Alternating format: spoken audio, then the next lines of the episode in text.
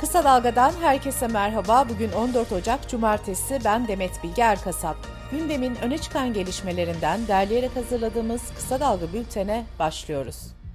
Seçim zamanı yaklaştıkça kulis haberlerinin sayısı artıyor, peş peşe açıklamalar geliyor ve siyaset gündemi hareketleniyor. Adayını henüz açıklamayan Altılı Masa'da Gelecek Partisi lideri Ahmet Davutoğlu'nun Cumhurbaşkanı içeriden veya dışarıdan olsun genel başkanlar imza yetkisine sahip olacak şeklindeki sözlerinin kriz yarattığı belirtilmişti. Cumhuriyet gazetesindeki kulis haberine göre altılı masada yer alan partilerin kurmayları kriz iddialarını yalanlarken 30 Ocağı işaret etti. Altılı Masa 26 Ocak'taki 11. liderler görüşmesi sonrası 30 Ocak'ta ortak politikalar metninin ilanı için lansman yapacak. Lansman sonrasında ise Altılı Masa'nın Cumhurbaşkanı adayını belirleyeceği ve İstanbul'da düzenlenecek ortak mitingle açıklayacağı belirtiliyor. Altılı Masa'da bulunan Deva Partisi'nin genel başkanı Ali Babacan bundan sonraki süreci şöyle açıkladı. Önce anayasa değişiklik paketini tamamlayacağız. Ortak politikalar metnini oluşturacağız ve geçiş sürecinin yol haritasını belirleyeceğiz. Babacan kendi adaylığı konusunda da altılı masa ismim üzerinde mutabık kalırsa rahat seçilirim ve en iyi şekilde yönetirim dedi. CHP lideri Kemal Kılıçdaroğlu da dün Twitter hesabından bir açıklama yaparak 6 ay sonra geniş kapsamlı afların gündemimizde olduğu doğrudur dedi. Geniş bir af listesi sayan Kılıçdaroğlu, Cumhuriyet'in ikinci yüzyılına vatandaş, ticari ve mesleki olarak temiz bir başlangıç yapacak diye konuştu. Milletvekilliği ve Cumhurbaşkanlığı seçimlerinin tarihine dair tartışmalar da sürüyor. Hürriyet gazetesi yazarı Hande Fırat, AKP içinde tartışılan 3 tarihi paylaştı. Buna göre seçim için öne çıkan tarihler 30 Nisan, 7 Mayıs ve 14 Mayıs oldu. Hande Fırat son sözü Cumhurbaşkanı Erdoğan'ın söyleyeceğini ve Mart ayı içinde seçim tarihini ilan edeceğini belirtti. İyi Parti Genel Başkanı Meral Akşener önceki akşam kalbinde ritim bozukluğu ve çarpıntı nedeniyle hastaneye kaldırılmıştı. Akşener dün sabah taburcu edildi. İyi Parti Genel Başkan Başdanışmanı Turhan Çömez, stresli bir dönemden geçiyor, çok ağır tempoda çalıştı. Bir süre istirahat etmesi gerekiyor dedi. Sağlık Sen 2022 yılı sağlıkta şiddet raporunu açıkladı. Geçen yıl sağlık çalışanlarına yönelik 249 şiddet olayı meydana geldi, 422 sağlık çalışanı şiddete maruz kaldı. Meteoroloji Genel Müdürlüğü son yayınladığı raporda birçok kent için sağanak ve kar yağışı uyarısı yaptı. Uzmanlar da gerçek kışın ne zaman hissedileceğine dair açıklamalarda bulundu. Meteoroloji uzmanı Kerem Ökten'e göre Ocak sonu, Şubat ve Mart aylarında gerçek kış yaşanacak. Kısa Dalga Bülten'de sırada ekonomi haberleri var. AKP Grup Başkan Vekili Mustafa Elitaş, kamuda çalışan sözleşmelilere kadro verilmesine ilişkin kanun teklifinin meclis başkanlığına sunulduğunu bildirdi. Teklife ilişkin açıklamalarda da bulunan Elitaş, 28 Kasım 2022 öncesi işe başlayanların kadroya geçeceğini kaydetti. Buna göre toplam 458.615 sözleşmeli çalışan kadroya geçecek. Elitaş, EYT kanun teklifinin gündemdeki teklifler kanunlaştıktan sonra el alınacağını söyledi. Meclis Başkan Vekili Süreyya Sadi Bilgiç ise iki yasa teklifiyle ilgili takvimi açıkladı.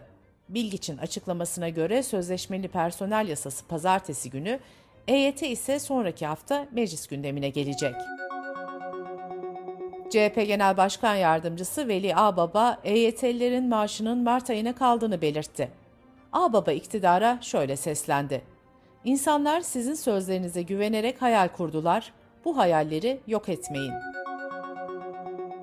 Merkez Bankası piyasa katılımcıları anketi Ocak ayı istatistikleri açıklandı. Ankete göre enflasyon beklentileri gerilerken döviz kuru beklentileri yükseldi. Yıl sonu enflasyon beklentisi 34.92'den 32.46'ya geriledi. 12 ay sonrası enflasyon beklentisi ise 34.92'den 30.44'e düştü. 12 ay sonrası için döviz kuru beklentisi ise 22.77'den 23.43 TL'ye yükseldi. Yıl sonu için döviz kuru beklentisi ise 23.12 liraya çıktı. Birinci el konut kampanyasından sonra ikinci el konuta yönelik de kampanya olacağı beklentisi piyasada fiyatları yukarı çekti. İkinci el satılık konut fiyatlarında %11'lik artış yaşandı. Ekonomi gazetesinden Leyla İlhan'ın haberine göre bu artış İstanbul'da %10, İzmir'de %9, Ankara'da %10 ve Antalya'da %5 olarak gerçekleşti. Türkiye Otobüsçüler Federasyonu Genel Başkanı Birol Özcan, şehirler arası otobüs fiyatlarının bu yıl aynı kalacağını açıkladı. Türkiye İstatistik Kurumu'nun süt ve süt ürünleri Kasım 2022 verileri üretimde düşüş trendinin sürdüğünü ortaya koydu. TÜİK'e göre ticari süt işletmeleri tarafından toplanan inek sütü miktarı Kasım ayında bir önceki yılın aynı ayına göre %6.1 oranında azaldı. Son dönemde et ve sütteki fiyat artışları da durdurulamıyor. Ulusal Süt Konseyi 8.74 liralık maliyet hesabı ve 8.5 liralık tavsiye fiyatı açıklamıştı. Deutsche Welle Türkçe'den Pelin Ünker'in haberine göre üretici dernekleri 1 litre sütün üretim maliyetini 12 lira 90 kuruş olarak hesapladı. Piyasada fiyatlar 12 liraya kadar yükseldi. Et fiyatlarını ise yeni yılın ilk haftasında 3 kez zam geldi. İstanbul'daki kasaplarda kıyma 200 liraya, kuşbaşı 220 liraya ve kuzu kemikli et 200 liraya kadar çıktı.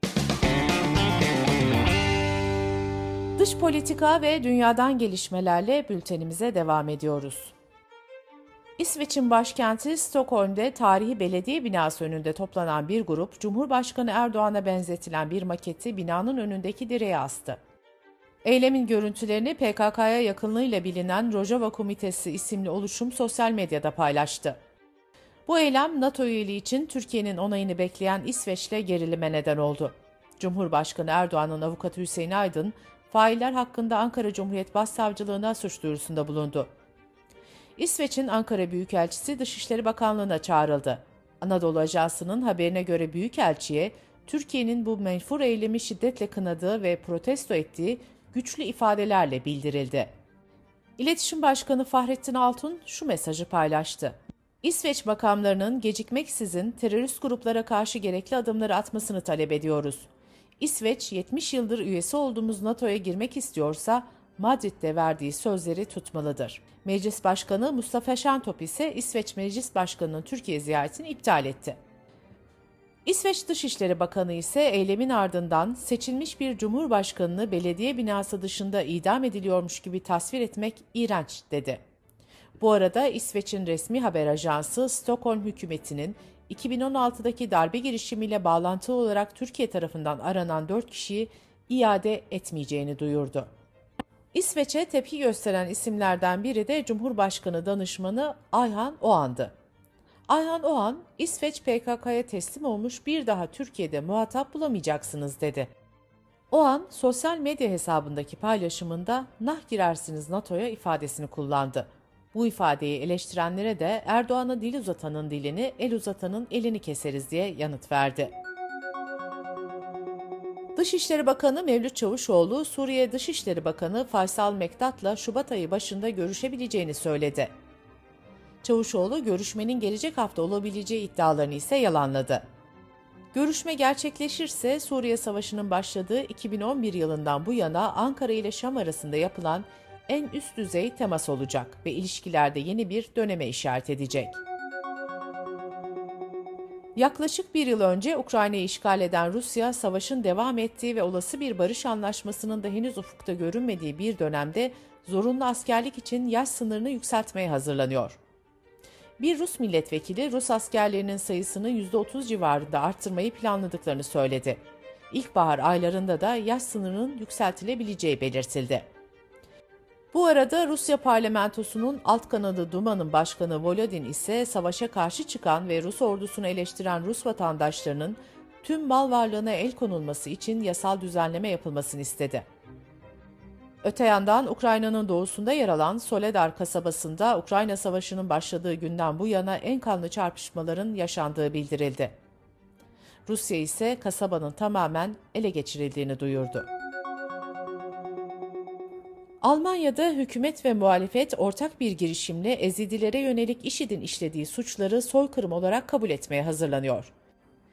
IŞİD 2014 yılında Irak'ın kuzeyindeki Sincar dağlarında yüzyıllardır yaşayan Ezidileri katletmişti. Kanada'da eski bir yatılı kilise okulunun sahasında yapılan radar araması sırasında 2000'den fazla kalıntı bulunduğu açıklandı.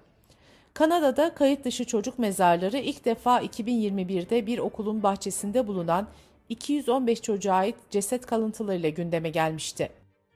Kanada tarihinin en büyük çocuk istismarının yaşandığı yer olarak kabul edilen yatılı kilise okullarının ilki 1880'lerin başında açılmıştı. 150 binden fazla yerli çocuğun ailelerinden zorla alınarak yerleştirildiği bu okullarda çocukların büyük bir bölümü rahip, rahibe ve diğer öğretmenler tarafından fiziksel, cinsel ve psikolojik şiddetle istismara uğradı. Ülkede 2010 yılında kurulan Hakikat ve Uzlaşma Komisyonu'nun kayıtlarına göre bazı yerli çocukların üzerinde de tıbbi deneyler yapıldı. Kanada federal hükümeti kilise okullarında yaşananlar için mağdurlardan resmen özür dilemişti. ABD Başkanı Joe Biden'ın kullandığı iki ofiste bulunan gizli belgelerle ilgili özel savcı görevlendirildi. Savcı ilk açıklamasında adil ve tarafsız olacağını söyledi. Eski ABD Başkanı Donald Trump ise sosyal medyada şu mesajı paylaştı. FBI, Joe Biden'ın evlerini ne zaman basacak acaba? Belki de Beyaz Saray'a baskın yaparlar.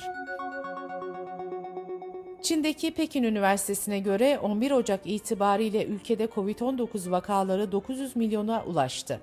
Üniversitenin yürüttüğü araştırmaya göre ülkenin %64'ünde koronavirüs tespit edildi. Yaklaşık bir yıl önce uzaya gönderilen James Webb Teleskobu birçok yeni keşfe imza atmıştı. BBC Türkçe'nin haberine göre dünyanın en büyük teleskobu yeni bir gezegen keşfetti. Bu gezegenin dünyaya çok benzediği belirtildi. Bültenimizi kısa dalgadan bir öneriyle bitiriyoruz. İki usta gazeteci Ayşe Yıldırım ve Sedat Bozkurt her hafta Politik Es serisinde siyasi gündemi yorumluyor. Altılı Masa'daki son durumun konuşulduğu Politik Es'i kısa dalga.net adresimizden ve podcast platformlarından dinleyebilirsiniz. Gözünüz kulağınız bizde olsun. Kısa Dalga Medya.